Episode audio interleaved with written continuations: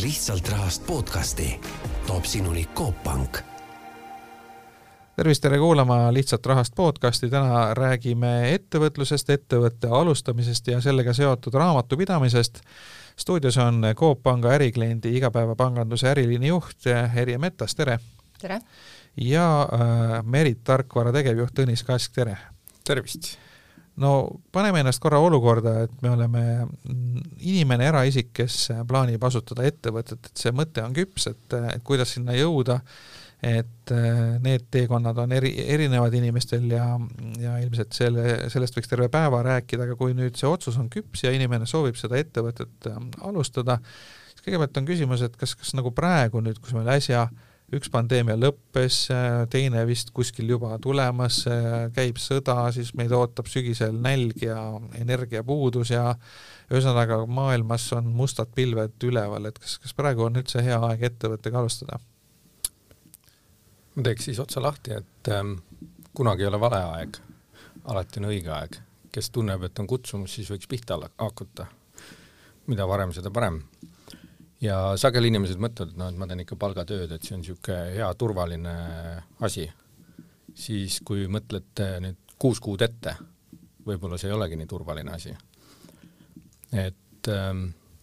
võimalus päevatööst vabaks saada on sama suur kui ettevõttega hunnikus lõpetada. Jah, seda, seda küll, et, et need riskid on äh, igal pool olemas, et sellist eluaegset kindlat töökohta ilmselt noh, võib-olla mõni kuskil on, aga, aga ilmselt neid ei ole väga palju järgi jäänud. jah, järjest vähemaks, see on ka inimeste hoiakutega muutunud, et kõik ei taha enam või noh, suur enamus enam ei taha terve elu ühe koha peal olla, et äh, et selles mõttes see ettevõtlus on võib-olla hea võimalus proovida ja alati äh, ei pea ju minema täiesti sada protsenti sisse. Tegelikult hästi palju on võimalusi, et alustada päevatöö kõrvalt millegi ehitamist.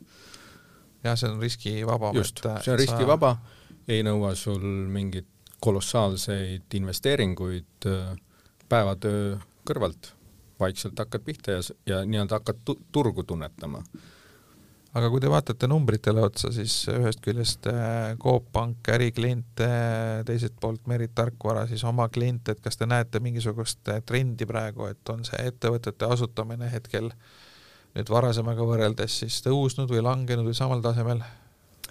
Jaa, ma just tahtsin eelneva toetuseks öelda seda, et tõesti on näha, et äh, eestlased on olnud väga julged äh, ka selles kriisis praegu ja ei ole siis langenud äh, ettevõtete põhimõtteliselt asutamise määr, et ta Eestis praegu on kuskil tendents, et kaks tuhat, kaks pool tuhat ettevõtet asutatakse iga kuu ja selles suhtes võib-olla ainukene selline madalseis oli ütleme, et esimesel sellel koroona aastal, kus oli võib-olla tõesti sellist nagu teadmatust palju, esmakordne, et kõik on lukus, sa ei tea, mis edasi saama hakkab, aga ei, ei praegu no ütleme, et see sõjaolukord ega mingi muu tendents ei ole seda mõjutanud, nii et. Aga neid asutatakse palju, aga ega nad kõik ju ei jää tegutsema, et selles mõttes äh, selliseid tegutsevaid aktiivseid ettevõtteid, kes iga kuu äh, arveid välja saadakse kellel inimesed, kas või üks inimene palgal on, on ju oluliselt vähem. Äh, jaa, äh, selles suhtes, et, et kindlasti on neid ka sulgemisi tuleb ette, aga ka seal ei ole näha, et praegu kuidagi äh, majandus oleks tinginud selle, et oleks äh, massilist pankrotistumist või kuidagi äriühingute äh, muul viisil siis äh, lõpetamist, et tegelikult need äh, numbrid on olnud ikkagi kõik need aastad kasvavas tendentsis, et kui me praegu vaatame, siis Eestis on umbes sada üheksakümmend tuhat äh, majanduslikult aktiivset äh, ettevõtet, see viimase kolme aastaga umbes seal seitseteist tuhat ettevõtet on summa summarumis see arv kasvanud, ehk siis selles suhtes on nagu äh, ikkagi näha seda, et noh, see sulgemiste osakaal ei mängi nagu rolli ja pigem on just see, et ikkagi nende ettevõtete, aktiivsete just ettevõtete arv on turul kasvamas.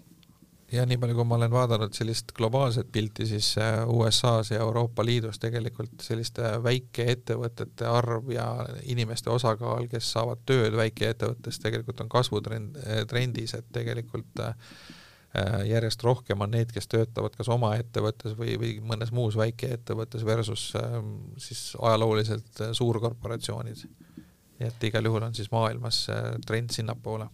jaa, kindlasti ja seda näitab ka see, et äh, just seesama, et kui vaadata nüüd ettevõtte liikide lõikes, et kuidas see kasvutendents on olnud, siis just neid selliseid äh, väikseid osaühinguid on need, mille suhtes seda kasvu on näha siis viimaste aastate jooksul kõige enam. Ja just kui vaadata ka nagu sellises tegevusvaldkonniti, siis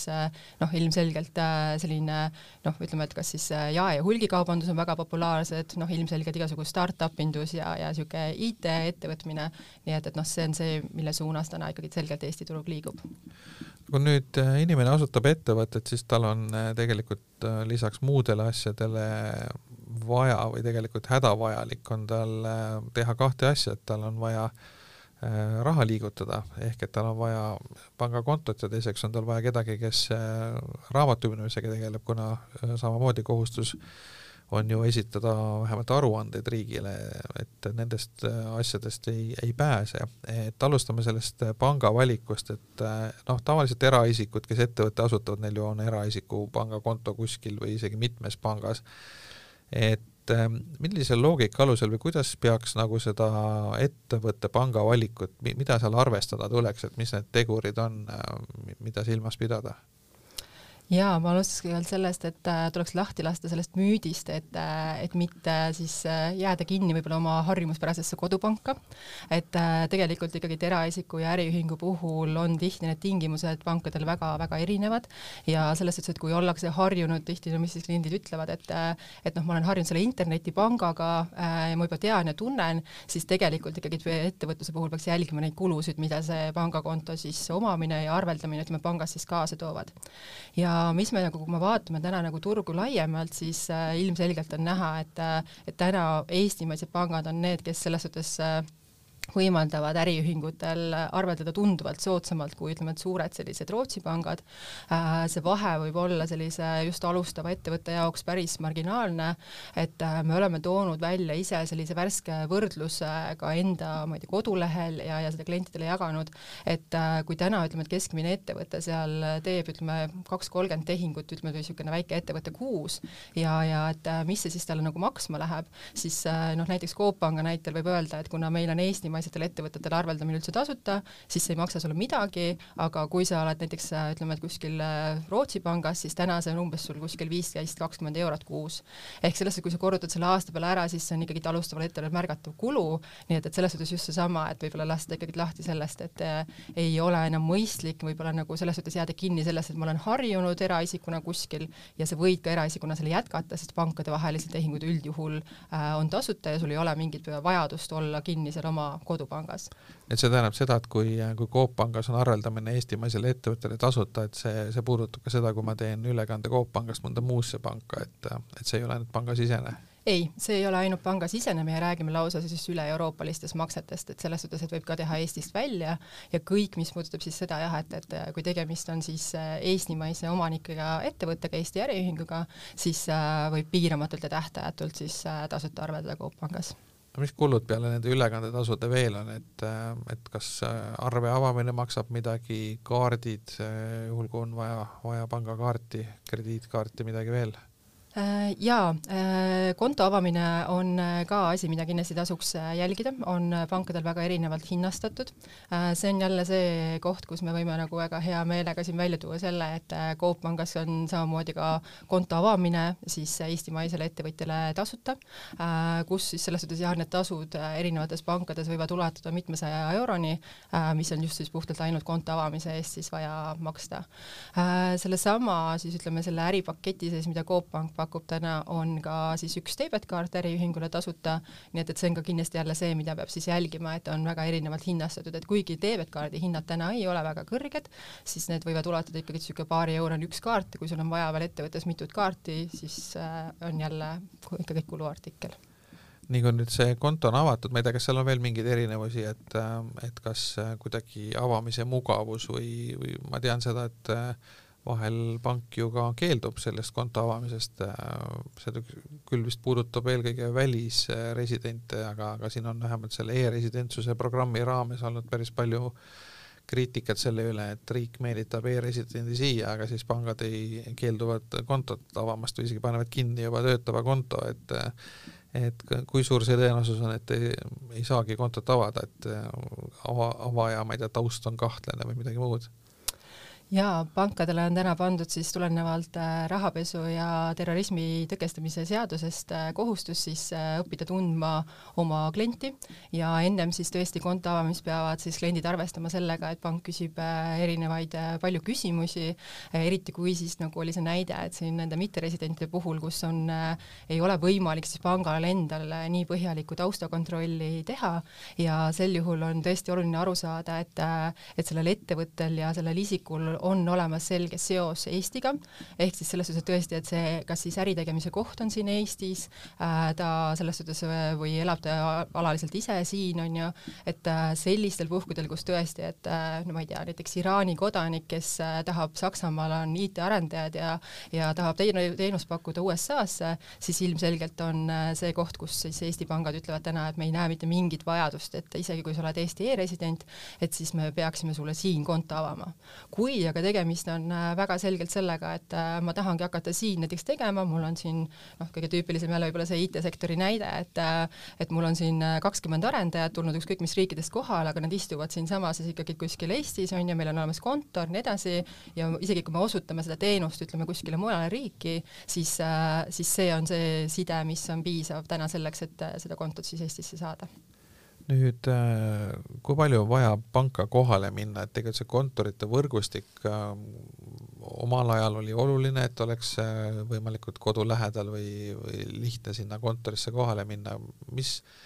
mis olukorrad need täna üldse on, kus oleks vaja füüsiliselt kohale minna kontorisse? Äh, just seesama siis eelnev näide selle pangakonto avamise kohta, et tegelikult see ongi ainuke siis äh, hetk, kui on vaja ikkagi tulla ka ühe, ühel korral siis põhimõtteliselt pangakontorisse koha peale. Äh, selleks, et me saaksime siis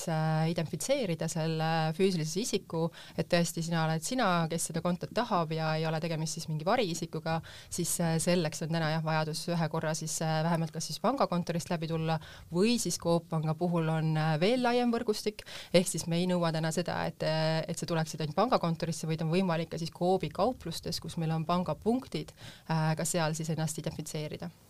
ja edaspidi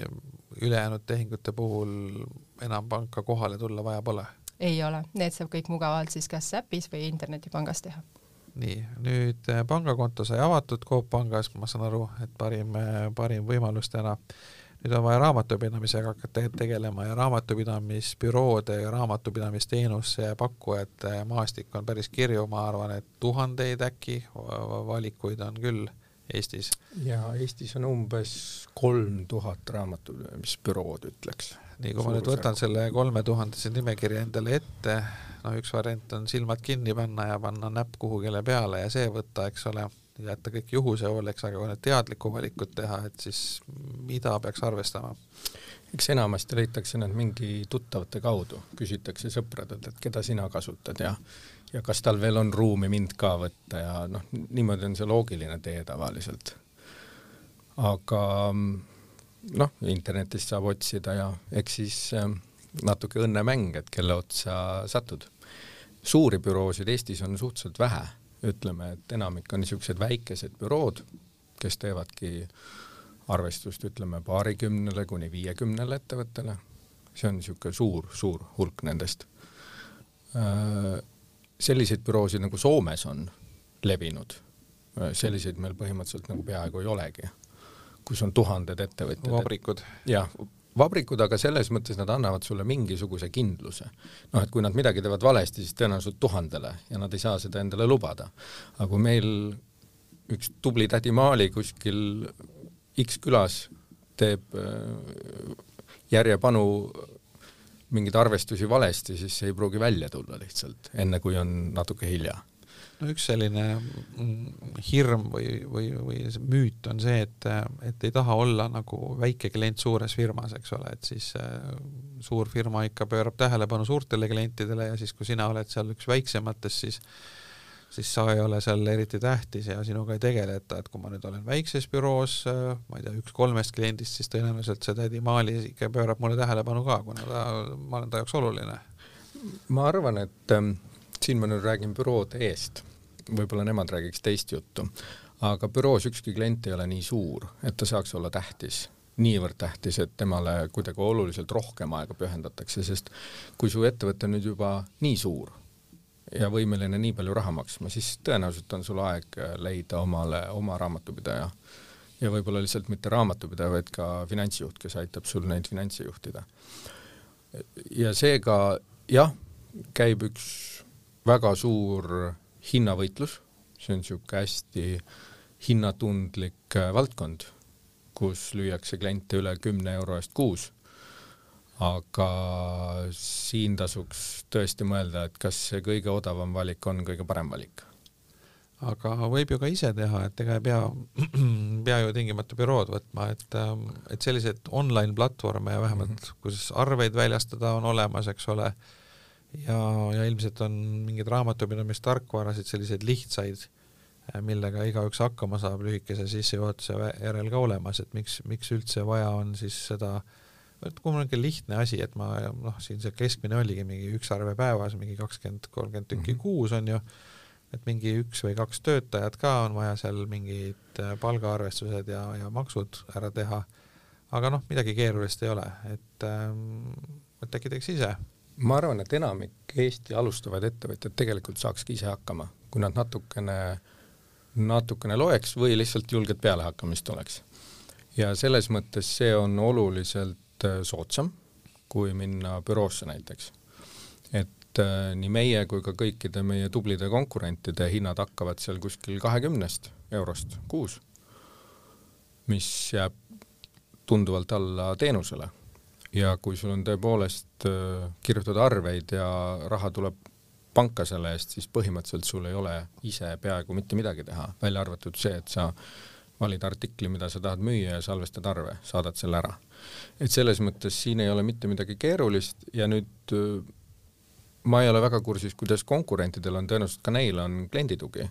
siis meil on näiteks kaheksa inimest, kes võtavad vastu viis tuhat kõnet kuus ja just nimelt nendelt ettevõtjatelt, kes küsivad, et äh, ostsin traktori, kuidas ma nüüd selle siia sisse panen.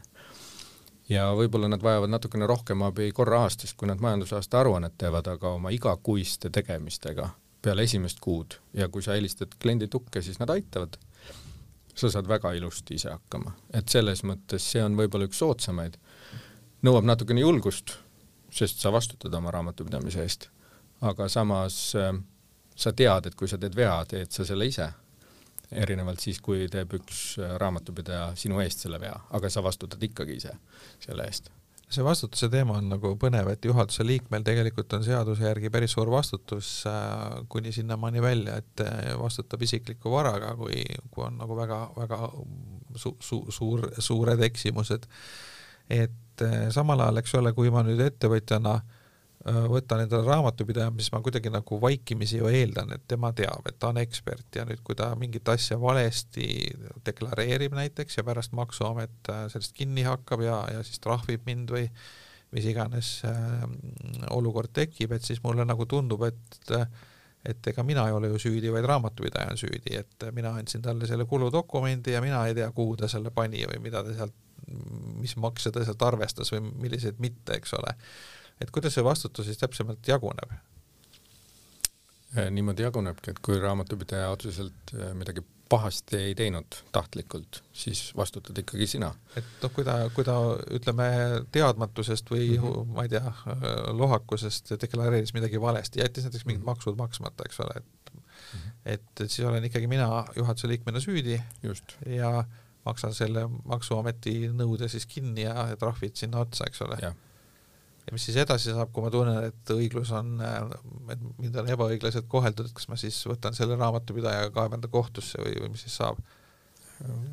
sõltub, kui palju, kas see asi vaeva väärt on, sõltub, kui suur maksu otsast tuli, eks ole võib-olla on lihtsam ära maksta ja eluga edasi minna, otsida uus raamatupidaja.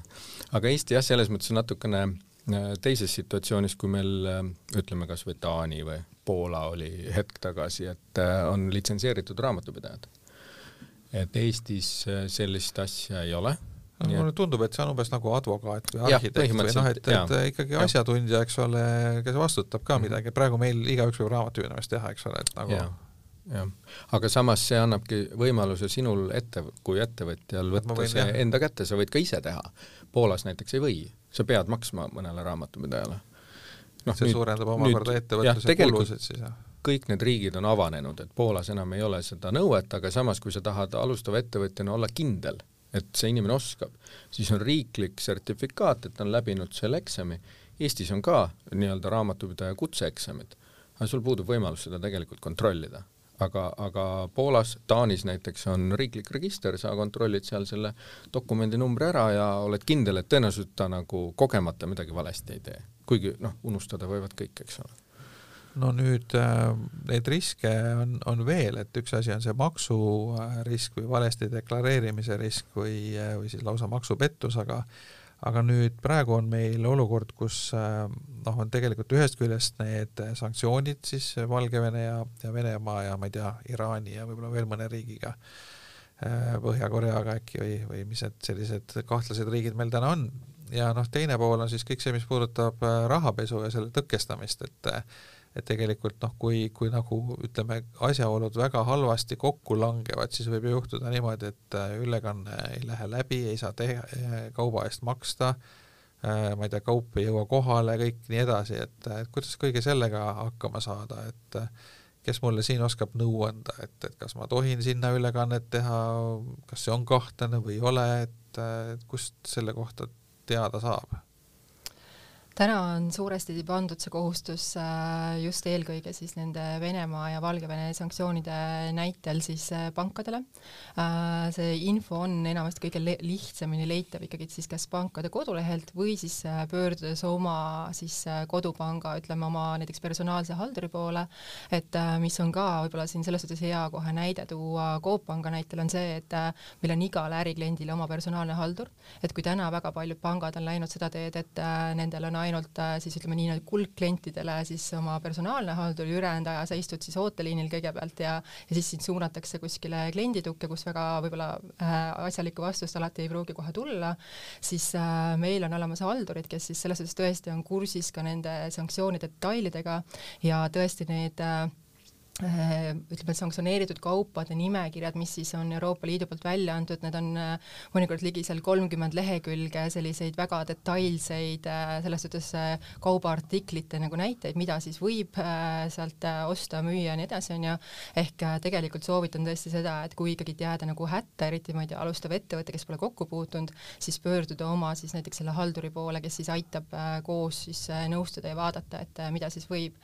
et praktikas võin tuua siia niisuguse väga markantse nagu näite, et äh, kus tõesti äh, siis klient pöördus sellega, et ta tahaks äh, Valgevenesse äh, müüa traktorite äh, Äh, siis rehvi ventiilikorke, et kas see läheb sanktsiooni alla või mitte, on ju, ja siis tõesti noh, siis oligi, et äh, kus siis haldur ja, ja siis klient ajasidki näpuga järge ja kuna tuleb välja, et, äh, et seda on võimalik kasutada ka sõjategevuseks, metsatehnika on ju eelkõige ju sõjategevus väga niisugune vajalik, siis see läheb ka sanktsiooni alla, nii et, et täna ei või müüa siis Eestist näiteks neid ventiilikorke sinna Valgevenesse. aga see käib siis nagu niimoodi, et kui mul tekib mõte või noh, oletame, et ma toodan siis neid ja müün neid seni näiteks koduturul või, või siin siin äh, kuskil lähinaabritel, siis mul tekib mõte, et oo, et seda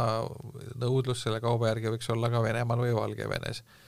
ja nüüd oletame, et ma leian sealt ka mõne partneri, kes ütleb, et jah, ma tahaks osta ja nii edasi,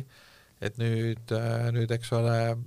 noh, siis ma peaks äh, seda kaupa sinna saatma ja nende käest raha saama, et, et seal läheb asi kahtlaseks, et kuidas see siis käib, et kas ma siis peaks tulema teie juurde küsima, et vaat, et mul on selline partner seal sellises riigis ja selline toode, et tahaks hakata äri tegema, et öelge, kas tohib või ei tohi jaa, ma kindlasti praegu äh, antud situatsioonis soo-, ikkagi soovitan ennem seda tehingu tegemist kindlasti see läbi rääkida, et kus pangas siis äh, teie see te tulevane tehingupartner siis äh, kontot omab, et kui ikkagi see makse on tulemas, siis ütleme, et jälle kas siis ütleme Valgevene või Venemaa pankadest, siis tõesti neid makseid me üldjuhul sealt täna enam mitte ükski Eesti pank vastu ei võta, need on ainult väga siis erandolukorrad, pangad, nii et, et selles suhtes on jah, väga keeruline, et isegi kui sa leiad endale sealt partneri ja tahad sinna müüa, siis äh, tegelikult ei ole võimalik, et see klient saaks sulle sealt äh, makse siis teha. ja ei tasu ka selle peale nagu minna välja, et, äh, et umbes, et maksan kuskile, ma ei tea, Šveitsi ja Šveitsist laekub siis Eestisse see raha, sellepärast et ka sel juhul ikkagi pangad peavad seda nagu järelevalvet, et mis oli see algne pank, kus see makse algatati ja isegi kui ta liigub siis läbi erinevate teiste korrespondentpankade, siis selles suhtes, et me ikkagi seda makset vastu ei võta ja lükkame siis tagasi. ehk siis selles suhtes, et see on siis puhtalt see, mis on need Euroopa Liidu tänased sanktsioonid, mis on siis kõikidele üleüldse kehtist-, kehtestatud. aga kas äh, sinna Venemaale ja Valgevenesse üldse midagi on võimalik praegu müüa? selles mõttes, et jutt oli sellest äh, ventiilikorgist, aga, aga on äkki mõni toode, mida sinna tohib müüa või? Äh, jah, äh, no selles suhtes, et kõik, mis ei lähe siis ütleme, et sinna sanktsioonide alla, aga no ma ütlen, et seal on nagu need sanktsioonid on äh, väga üldsõnalised, neid on, ütleme, et niisugusel alustaval ettevõttel täna väga raske endal nagu tõlgendada. aga oletame, et ma leian mingi toote, mida tohib sinna müüa, nüüd raha ma ikka sealt kätte ei saa siis? on võimalik, et raha laekub, aga raha laekub sel juhul, kui kasutatakse ka Venemaal on olemas siis Euroopa pankade tütarettevõtteid ja Valgevenes, kui makse algatatakse siis siis mõnest äh, sellisest äh, pangast Venemaal, mis on siis äh, mõne Euroopa Liidu riigi tütarettevõtte pank, siis sealt täna need maksed suure tõenäosusega jõuavad kohale, aga kindlasti nad läbivad kontrolli, see võtta aega, võib-olla mõnikord, ma ei tea, nädalaid, mõnikord võib-olla kuid, et see raha lõpuks nii et laekub, nii et selles suhtes on nagu, peab arvestama, et jah, et see ei ole täna kindlasti selline mm, siis ütleme, sektor, kuhu, kuhu ma arvan, et alustaval ettevõttel võiks endale nagu pilku suunata suunata mm. -hmm. aga nüüd on sellised liigid ka, mis on, äh, kus võib-olla otseselt äh, sanktsioone pole kehtestatud, aga mis on nagu muidu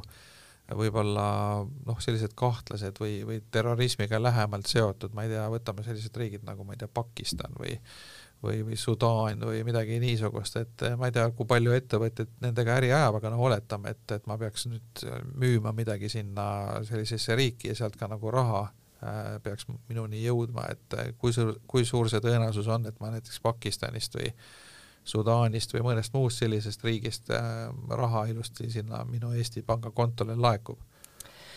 siin sõltub nüüd väga palju kliendist endast, kui palju ta on valmis pangaga koostööd tegema, kui palju äh, pangale selle kohta avatult äh, selgitusi andma, dokumente esitama, kui ta kiiresti seda teeb, ehk siis välistatud ei ole, et täna need ülejäänud sellised nii nagu ennem oli juttu siin kahtlased riigid ei ole kuidagi jah, selles suhtes, et päriselt me ei võta sealt mitte ühtegi nagu makset vastu, aga nende puhul tõesti kõik maksed läbivad väga põhjaliku kontrolli, peab arvestama kindlasti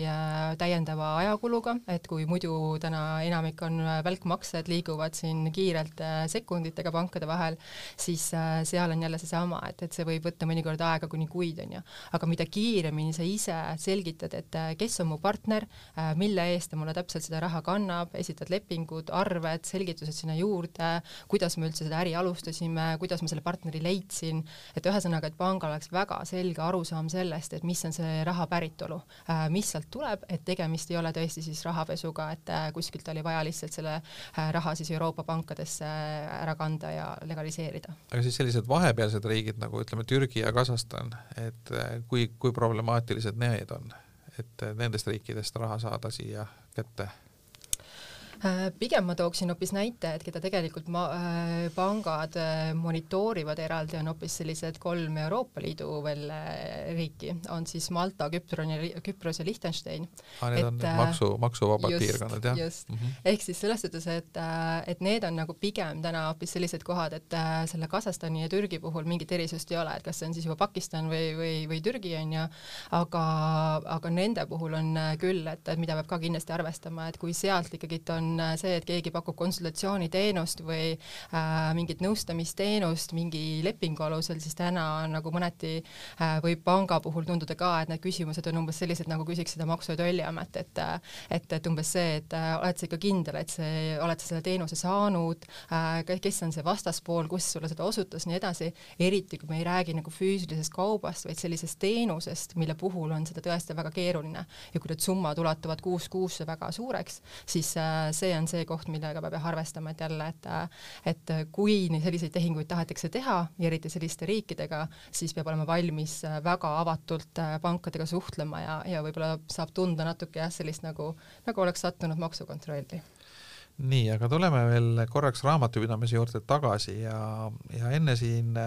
Tõnis ütles, et kui, kui te ei ole rahul oma teenusega, et siis võtke uus büroo. Aga oletame, et ma olen nüüd päris pikka aega olnud ühe büroo klient ja, ja, ja kõik mu nii-öelda andmed on nende, noh, et ma, mul enda raamatupidamisprogrammi ei kasuta, eks ole, nemad pakuvad mulle seda ja ma nüüd äh, otsustan vahetada bürood, et äh,, et lõpetada suhted, et kuidas selle andmete üleandmisega lugu on, et kas ma saan eeldada seda, et see nii-öelda vana büroo siis annab uuele büroole kõik andmed üle ja kas seal on nagu oluline vaadata ka seda, et seda teha näiteks ma ei tea, kalendriaasta lõpus, et äkki siis on kuidagi lihtsam, et mitte mingi, näiteks täna on mingi mai keskpaik, et me ei vaheta bürood mingi kaheksateist mai, vaid et teeme seda kolmkümmend üks detsember ma arvan, et siin kuupäevad ja see ei mängigi nii palju rolli. noh, kui on väike, väike büroo, siis ka selle büroo pidajaga võib mingi õnnetus juhtuda ja sul lihtsalt on vaja oma käibedeklaratsioon näiteks ära esitada. aga sa ei saa, sest sa ei saa andmetele ligi. ja siin on selles mõttes niisugune äh, keeruline olukord, et kellele kuuluvad andmed ja ettevõtjad sageli ei mõtle sellele et jällegi, kui me räägime Põhjamaadest või ka lõunanaabritest, Läti, Leedu, Poola, siis enamasti seal raamatupidamisprogrammi litsentsi ostab ettevõte või see ettevõtja. ta maksab selle eest raha ja annab raamatupidajale või siis raamatupidamisbüroole eh, ligipääsu. jällegi, kui, kui nüüd ettevõtja on ise selle raamatupidaja tegija, mida meie klientidest on üks eh, kolmandik umbes, eh, neid Eestis, kes ütlevad, et ma saan ise hakkama ja saavadki tegelikult. aga kui sa oled nüüd selle teise kahe kolmandiku hulgas, siis põhimõtteliselt kõige kindlam viis, kuidas sinu andmed on sinu omad, on see, et sa ostad litsentsi ja annad selle kasutada raamatupidamisbüroole. kui nüüd raamatupidamisbüroo teeb sinu ettevõtte raamatupidamist nende litsentsiga ja maksab selle eest, siis ähm, GDPR Euroopa Liidus on selline vahva regulatsioon, mis ütleb, et tegelikult need andmed kuuluvad äh, büroole, sest nad on digitaalsel kujul ja digitaliseerinud on nad büroo poolt, need andmed. ja see tähendab seda, et kui sa lähed nüüd bürooga tülli, siis äh, võib juhtuda, et büroo ütleb, et ma ei anna sulle andmeid neid juhtumeid pole palju, sest noh, mis on büroo motiiv neid kinni hoida, eks ole, aga vahel on. Inimlik kadedus, viha ja kättemaksuhimu, jah. just, et ega kui siis inimesed äh, abielluvad, siis ka sageli mõeldakse, et noh, milleks, midagi hullu ei ole, kuni midagi juhtub. ja tegelikult täpselt sama on nende andmetega. et, äh, et Eesti on jah, selles mõttes inimesed ei ole harjunud ettevõtjad ennekõike, et nad ostaksid litsentsi ja annaksid kellelegi kasutada.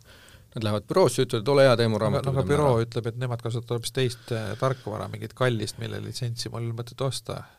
jaa, aga nii huvitav, kui see ka ei ole, järjest rohkem on Eestis büroosid, mis omavad äh, mitut raamatupidamisprogrammi litsentsi ja on neid büroosid, kus nii-öelda peaaegu iga raamatupidaja siis kasutab mitut programmi või suuremates büroodes on ära jagatud, kes mida kasutab et selles mõttes ma arvan, et ükski büroo Eestis neid programme nüüd nii palju ka ei ole, äh, häid programme, et selles mõttes need mõned äh, programmid, enamik büroodest saab tõenäoliselt hakkama. seda enam, et äh, büroo võiks olla õnnelik, sest seda kulu ei ma-, ei kanna siis tema, vaid ka-, kannab see ettevõtja, et ta on natukene odavam sellele büroole. et see on asi, mida võib-olla ei teagi nii-öelda tava, tavaettevõtja ja mille peale ei olegi mõeldud äh, enne, aga, aga igal juhul tasub siis mõelda selle peale, et, et äh, ei tekiks seda probleemi, et äh, sul andmed lähevad kaotsi ja, ja sa takerdud mingisuguse seaduse pügala taha siin, mis, mis takistab su andmeid kätte saada, nii et igal juhul tasub see asi, asi läbi mõelda aga selline sa-, saade täna sai, aitäh saatekülalistele, meil olid stuudios Coop Panga ärikliendi igapäevapanganduse äriliini juht Erje Metas ja Merit tarkvara tegevjuht Tõnis Kask, mina olen saatejuht Hando Sinisalu,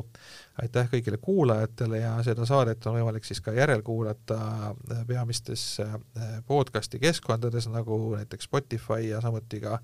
leiab seda Coop Panga kodulehelt üles, nii et kuulake meid jälle, aitäh kõigile! lihtsalt rahast podcasti toob sinuni Coop Pank